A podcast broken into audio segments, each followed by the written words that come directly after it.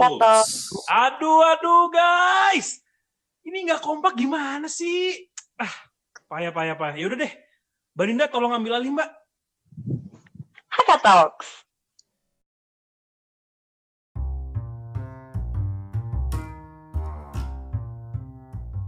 Hello ladies and gentlemen, welcome to Haka Talks. Di episode Work from Home, jika kerja nggak harus di kantor. Teman-teman, perkenalkan, nama gue Zubi, dan di sini gue nggak sendiri, gue kedatangan teman-teman nih. Teman-teman boleh kenalan dong?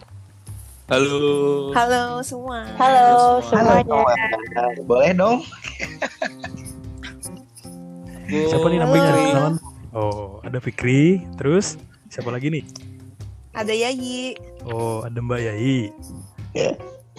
Halo gue Fadli. Oh iya, boleh. Yang satu lagi, Bapak yang gak Halo ada ada Ninda. Aduh Ninda suaranya ya, ya ampun. Meluluhkan Kenapa suaranya kenapa? Kayak kayak kayak karkol gitu suaranya. Oh my god, Karkol. Iya, iya, iya.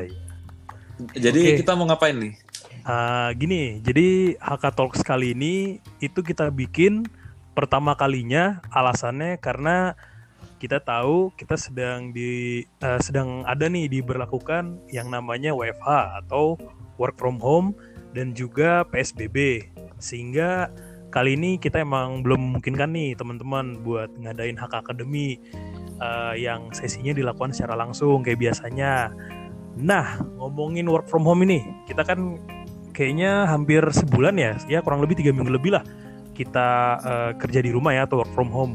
Eh, gimana gimana? Coba bisa share nggak nih teman-teman cerita tentang pengalaman work from home-nya? Jadi jadi gini gini gini Bung Zubi. Ya, gimana Bung sebelum Fikri? kita ngomongin work from home, jadi kita mau ngasih applause dulu nih buat teman-teman IT atau teman-teman yang terlibat dalam pembuatan sarana atau media pendukung untuk kita kita ini bikin Hei, WFH di rumah. oh, tepuk tangan dong. Kan? Woi, We heard you, we heard you.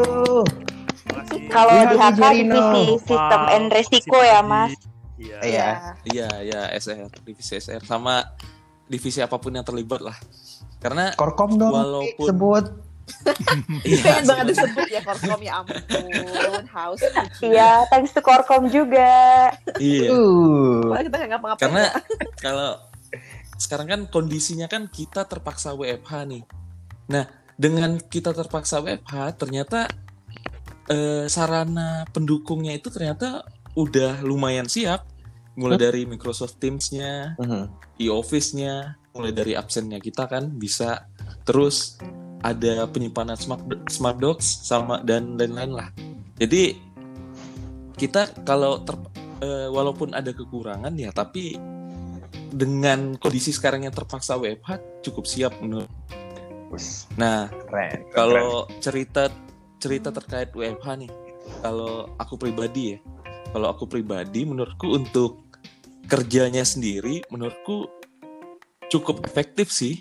Iya. Ya selagi kita bikin perencanaan yang matang tiap hari daily planner gitu, ya menurutku cukup eh, efektif lah kerjanya. Nah permasalahannya ini cuma adanya di apa ya? Di pembatasan sos- sosialnya ini. Jadi Oh. pada apa ya stres tertekan gitu karena kita kan setiap hari kan udah terbiasa ngobrol sama orang Iya. eh, sosialisasi sama orang nah Iya. jadi itu yang bikin nggak enaknya cuma kalau menurutku Hmm. dengan kalau aku pribadi ya kalau web oke aja asal nggak setiap hari kayak gini ya itu sih kalau aku pribadi yang lain gimana Kalau aku malah kebalikannya Fikri sih pas awal-awal WFH. Kan Fikri bilang semuanya bisa jalan lancar, produktif kalau punya daily planner gitu kan.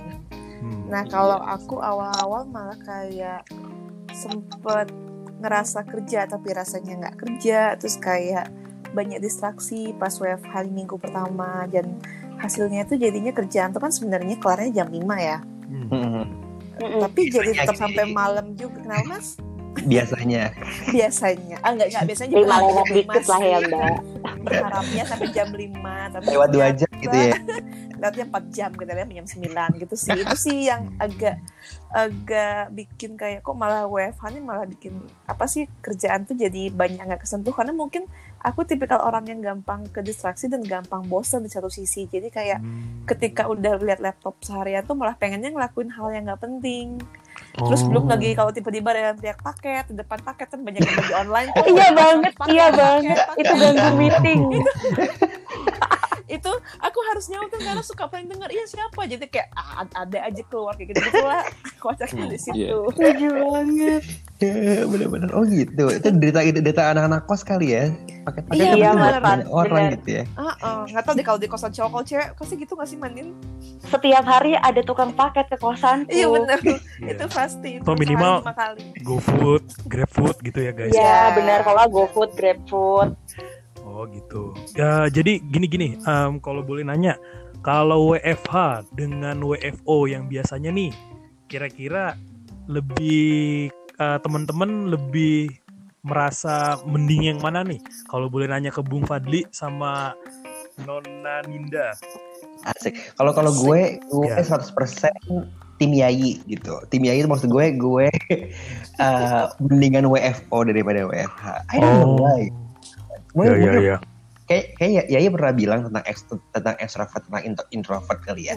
Gitu. Ada ada ada hubungannya sama WFO WFH gitu. WFO gue akan ngerasa lebih, lebih produktif kalau misalnya gue WFO. Maksud gue gue gue menikmati saat-saat di mana oh gue harus meeting di ruang ini gitu. Bentar-bentar meeting gitu. Gue menikmati saat-saat itu ketemu, ketemu orang baru, kemudian uh, bluffing sama orang, bahasa-bahasa segala macam. I was really enjoy that time. Tapi kalau masa WFH tuh ya minggu satu eh uh, hari ke tiga du, satu dua tiga empat oke lah di, di, di rumah main sama istri. Main, main sama anak maksud gue.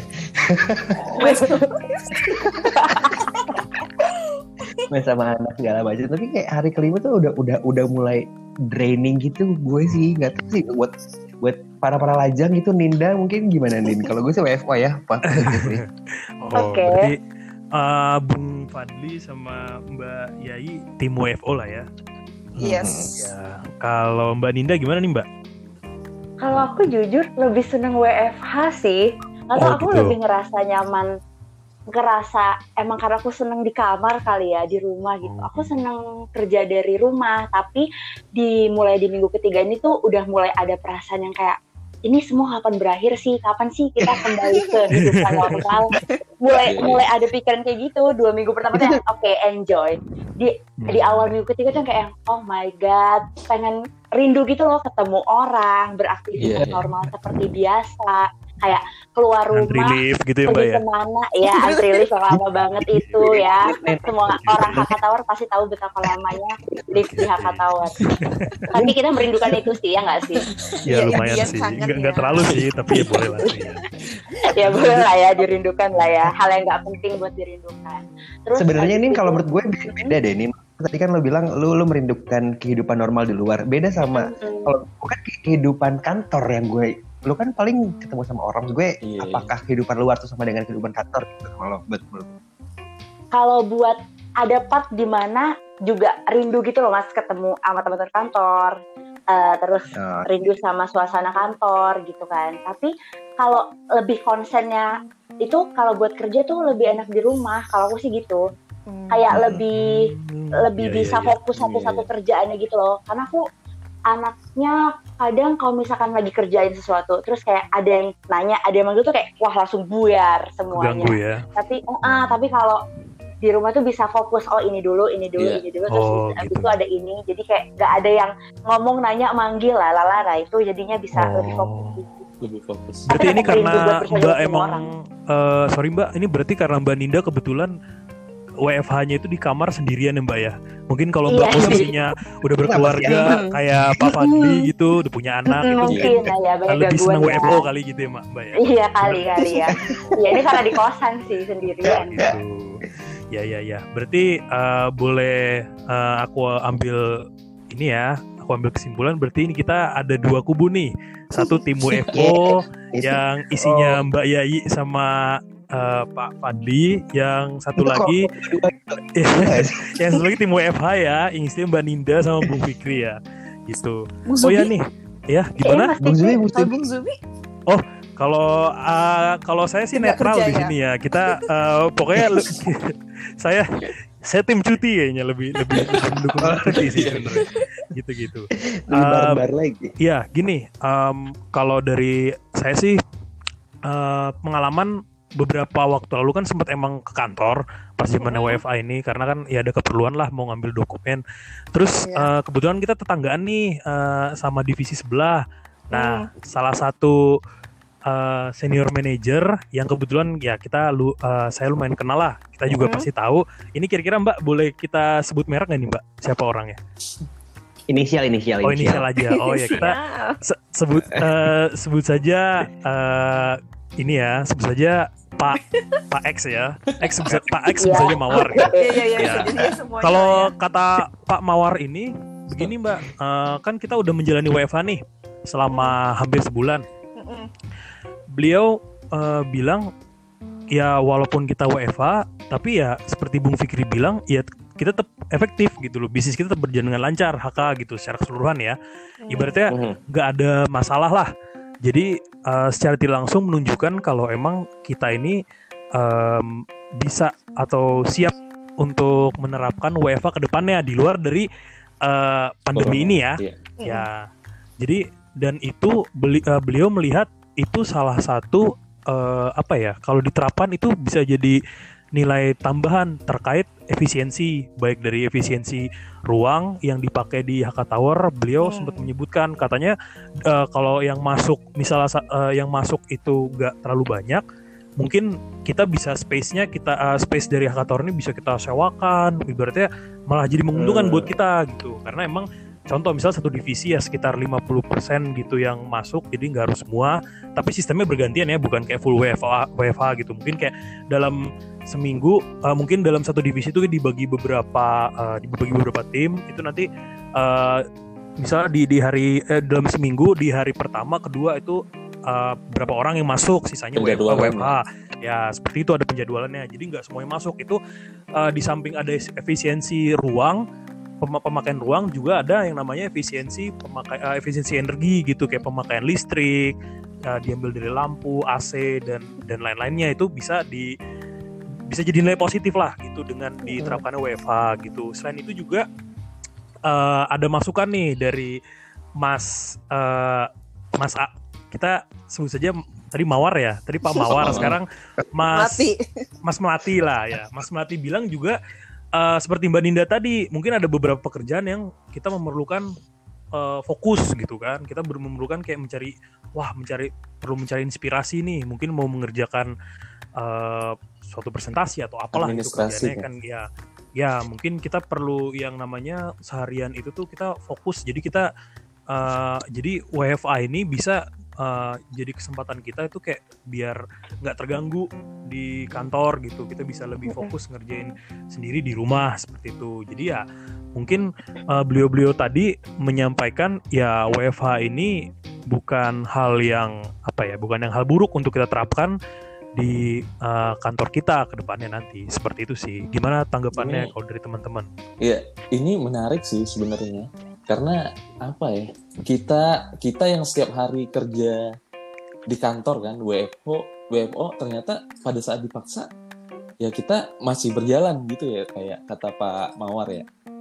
Iya Nah, aku aku aku setuju, aku setuju sih karena tadi cuma gini walaupun tadi Bung Zubi bilangnya aku sama Mbak Ninda itu tim WFH bukan berarti WFH. kita nggak mau WFO Sepenuhnya. Iya, Ya, iya, kita ini benar mungkin benar. memang iya karena kita tetap kita mikir W kerja itu memang harusnya memang di kantor nah cuma tapi tapi nggak harus 100% di kantor ya mungkin memang harus ada penjadwalannya biar mungkin kalau kita dalam satu bulan full di kantor mungkin kan tetap ada jenuhnya kan iya nah Iya. jadi Iya, iya benar banget. apalagi apalagi kita apa ya ya kita juga pengen coba WFH mungkin dalam lima, ha- lima hari kerja per minggu ya satu hari dua hari lah WFH dua hari, Ya, satu atau hari dua itu hari, bisa iya. dibagi WFH. WFH kayak gitu bisa Iya. bisa di apa dibebasin gitu Iya, iya. toh yang penting kan kalau menurut aku hasil sih kalau kita udah dikasih tanggung jawab ya kita harus yang penting itu hasilnya bukan artinya kita harus tetap di kantor tapi nggak efektif kan sama aja kan itu Iya. kalau Iya. menurut pandangan aku ya gimana kalau yang lain Ya, gimana? Setuju yang lain? sih. Setuju sih, gitu ya. Iya setuju setuju. Saya gimana nih? Lu kan orang. Gimana nih? Oh tadi eh, Mas Fikri mengusulkan ya kalau misalkan eh, dibuat metode kayak dalam lima hari kerja nih, misalkan ada satu hari yang WFH gitu ya. iya. Iya sih, kayaknya Anyway, anyway Fik- Fikri kerjanya bukan tujuh hari sih, delapan hari. lima hari mas Delapan tadi hari. lima hari lima, lima hari kerja mas. Iya. Kalau satu minggu kerja sih itu di luar hitungan biasanya ya. Dia bahkan 8 hari Iya. loh, Oh, nggak? Delapan hari, oke. oke. tapi, 8 hari seminggu. tapi ini untuk Seminggu kita ya, yang iya. untuk seminggu kita yang di office ya Iya, heeh. Iya. baru mau teman-teman misalnya di proyek atau di ruas gitu ya Mm-mm. Gimana gimana Kalau misalkan, kayaknya itu juga menarik ya buat ide untuk diterapkan gitu. Jadi Wah, Wow. Ya, itu Tapi- bagus sih. ya eh, apa namanya Nah, bisa mengatasi kebosanan burnout syndrome gitu kan. Kayak kalau lima Iya. hari di kantor kan hmm, bener bener bener bener. kerasa ya pasti adalah titik jenuhnya gitu kan. Namanya kita juga Iya. manusia biasa ya teman-teman. Terus eh, kalau misalkan ada satu hari yang kita WFH kayak misalkan satu bagian gantian gitu nggak berbarengan itu kayaknya bisa meningkatkan work life balance juga sih yang punya keluarga juga bisa ada time lebih untuk keluarganya ya kan kayak gitu tapi ya itu Iya. tadi Iya. mungkin masih harus dikaji lagi kalau mau dibikin peraturan kayak gini karena gimana buat teman-teman yang kerjanya di site gitu kan di Iya, proyek iya, iya. mau agak Hmm, merasa kurang adil sih mungkin gitu Iya sih. benar-benar. Oke, itu berarti untuk WFH ya, work from home. Mm-mm. Nah, ini kan kita ada ada kebijakan juga nih teman-teman yang namanya PSBB. Nah, gimana nih kalau menurut teman-teman terkait uh, penerapan PSBB sekarang ini? PSBB kan kayaknya seingat gue pertama kali terapin di Jakarta pasti kan Iya. sebagai kota, kota yang paling banyak dan segala macamnya. Sebenarnya gue cara kita kalau dari orang-orang kan gitu ya, orang-orang korporat nggak gitu ngaruh-ngaruh amat. Maksud gue kita kan udah udah kayak kuota pas minggu sebelumnya buat WFH terus PSBB PSBB muncul oh ya udah lah gitu. Buat makes it different ya yang beda-beda juga. Mungkin yang, yang bakal beda tuh bagaimana kita ngelihat berita sih. Itu berita-berita tentang dulunya kita cuma dapat mungkin kerja kemudian uh, banyak yang kalau di rumah nggak bisa makan gitu. Pas lagi ada PSBB tuh nambah real kalau gue pribadi ya. Nambah real kayak uh, kelihatan kayak orang yang uh, miskin ya bukan miskin gitu kasihannya gitu orang yang dapat uh, kerja informal ya pendapatannya Hmm, berkurang iya, drastis gitu sih. Mm-mm. gue jadi jadi jadi pelajaran banget buat buat buat gue pribadi mungkin buat teman-teman juga bahwa ya PSBB tuh hmm, ya belajar lah buat buat berbagi lebih buat bersyukur lah itu yang paling penting sih buat gue. Kalau boleh jadi orang tua di sini. Iya. Senior Kebetulan, ya, tua. Iya. Nah, itu Kalau- dari orang tua yang benar-benar jadi orang tua ya. Kalau yang kalau orang tua yang kebetulan secara usia sudah cukup tua gimana? Eh, ya, iya. Ya, nyebut saya ya kayaknya. Agak Apa nih tersentil sih tua-tua gitu. Nggak Zubi cuma beda setahun loh. Ah, Oke. kalau kalau kalau menurutku em, dari segi pemilihan kenapa PSBB di antara sekian skema pembatasan yang bisa diterapkan? Ya pertama udah paling tepat sih karena kan awalnya tuh kita disuruh physical distancing kan tapi cuma mungkin kan orang akhirnya agak susah karena itu masih berupa himbauan kan. Iya. dan kita tuh kan harus sadar banget jarak itu penting antar orang ya. Jadi pemerintah itu ya udah yang urgent yang istilahnya menyokong kebutuhan sehari-hari operasionalnya tetap jalan tapi yang lain itu kan di stop dulu ya unless itu Mm-mm. urgent banget dan em, itu udah metode paling tepat karena kita nggak bisa memilih lockdown menurutku pribadi sih ya ini itu agak susah karena kita harus menjamin ketersediaannya pangan dan segala macam itulah keterbangnya itu nah Iya. kalau untuk eh, dampaknya sendiri ya tadi sih aku memang ada karena emang ini dampak covid secara global ya itu dengan adanya PSBB ada usaha yang stop beroperasi dan efek efek eh kan efek samping sih dampaknya itu adalah ya orang-orang tuh tadi banyak kehilangan pekerjaan kan gitu. Cuman ya memang kita kayak lebih baik menghadapi sebagai orang yang kalau di posisi kita menghadapi dengan cara yang mikirnya ya udah ini yang bisa kita lakukan sekarang lakukan dan kata Mas Fadli tadi kalau bisa kita bantu sesuatu buat mereka yang membutuhkan dan terdampak oleh PSBB ini kita bisa melakukan sesuatu sih.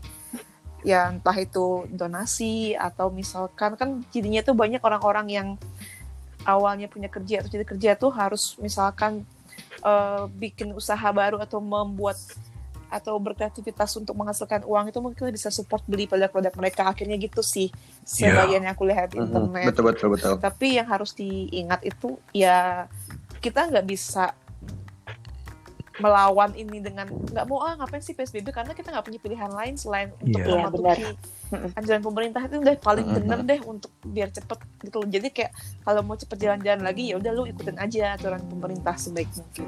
Gitu sih. Oke, berarti WFH tadi kita udah share ya. Terus kalau untuk apa terkait PSBB juga udah.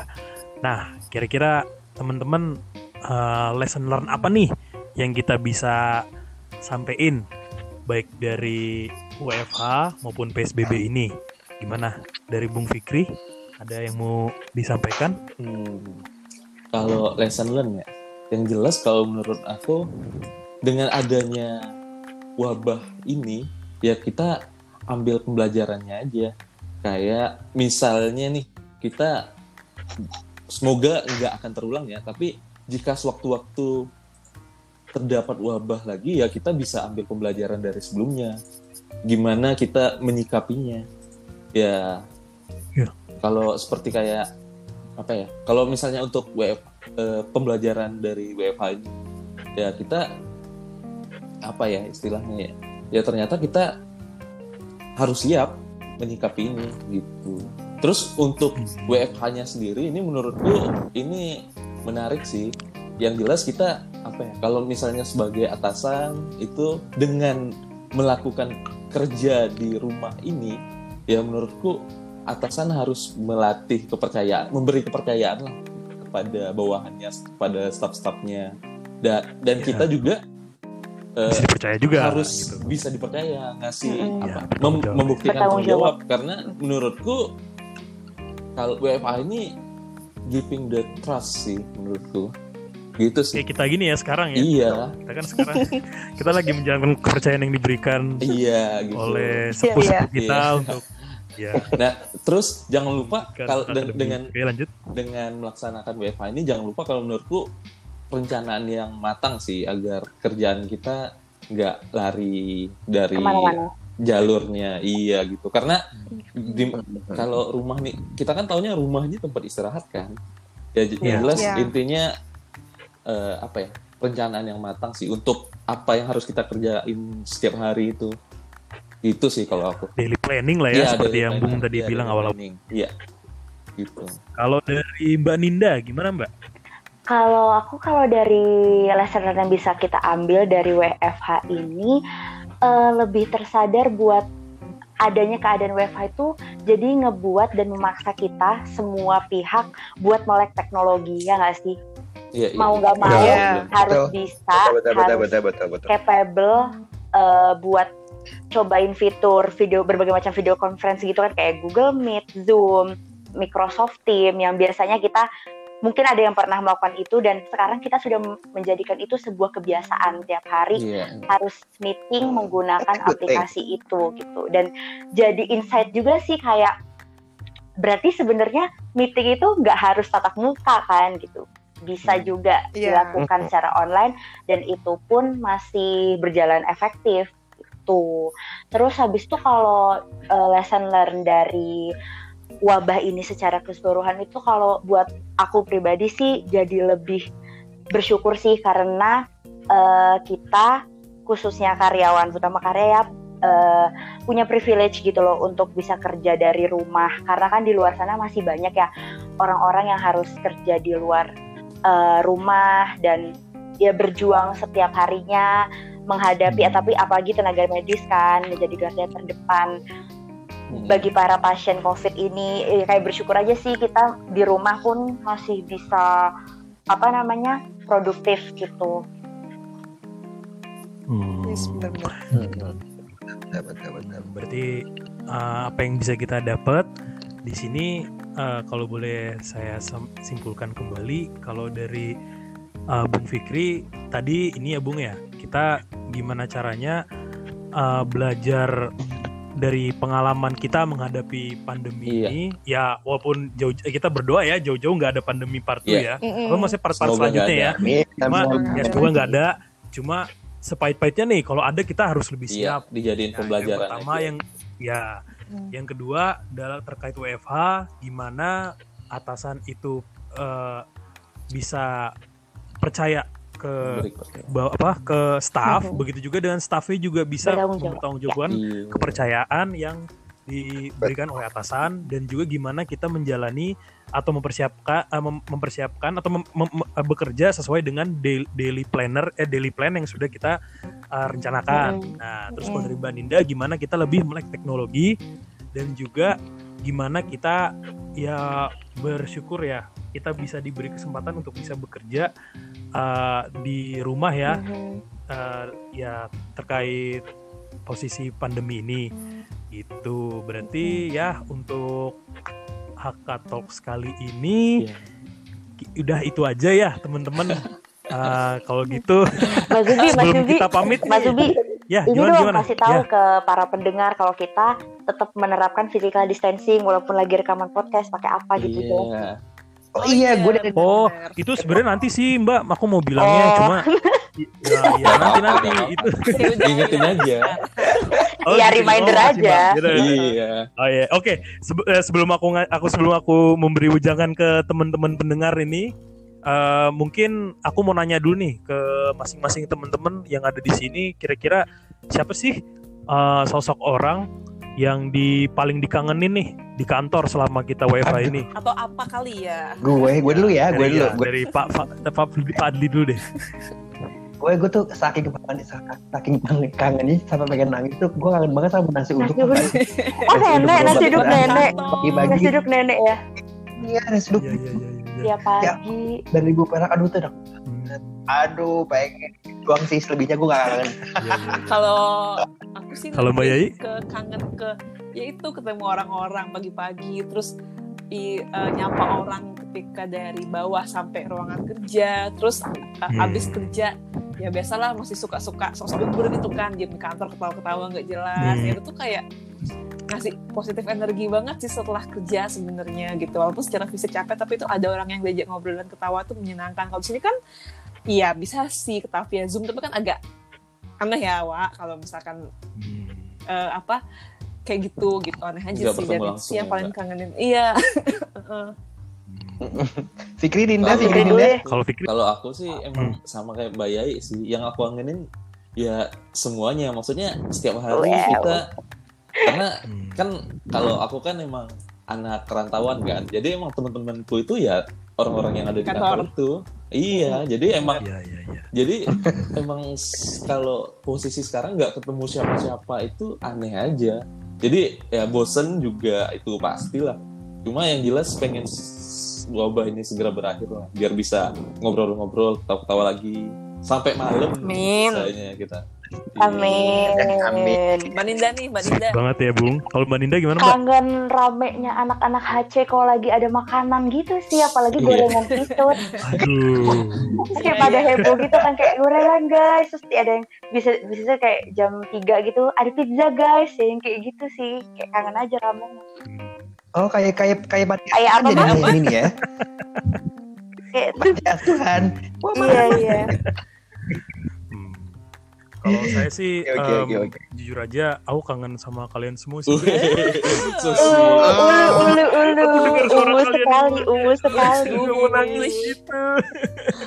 Oke oke, cukup cukup. Yaudah, itu aja. Em, teman-teman, sekian dulu untuk H- HK Talks kali ini. Ya, HK Hey. Academy hari, eh, kali ini juga. Terima kasih buat Pak Fadli, Mbak Ninda, Bung Fikri, Ya. Mbak Yayi Oke. yang Thank udah sharing juga. di podcast ini. Terima kasih juga Ya, semuanya. Terima kasih. sudah mendengarkan HK Academy Podcast uh, episode Work from Home kali ini. Oh ya, eh, tidak lupa nih, aku juga mau menyampaikan teman-teman buat jaga kesehatan, jangan lupa keep physical distancing. Seperti yang kita lakuin nih, kita sekarang juga eh, rekaman ini di tempat kita Iya, masing-masing kayak nih. Ya. Benar banget. Eh, pakai iya, seperti yang udah Sorry ya, tadi. Terus iya nggak apa-apa mbak. Terus kita kalau keluar jangan lupa pakai masker. Kalau emang harus terpaksa keluar. Terus kalau bisa kalau untuk mau pegang sana sini ya kalau emang ada sarung tangan pakai sarung tangan. Yang habis pakai buang. Terus nyampe rumah jangan lupa bersih mandi, Langsung cuci mandi. tangan dan yang lain. Iya, iya, iya. Benar, benar, Iya. benar. Oke, itu aja dari saya. Terima kasih. Sampai jumpa di kesempatan lainnya. Bye. Dadah. Bye. Bye. Bye. Auf Wiedersehen.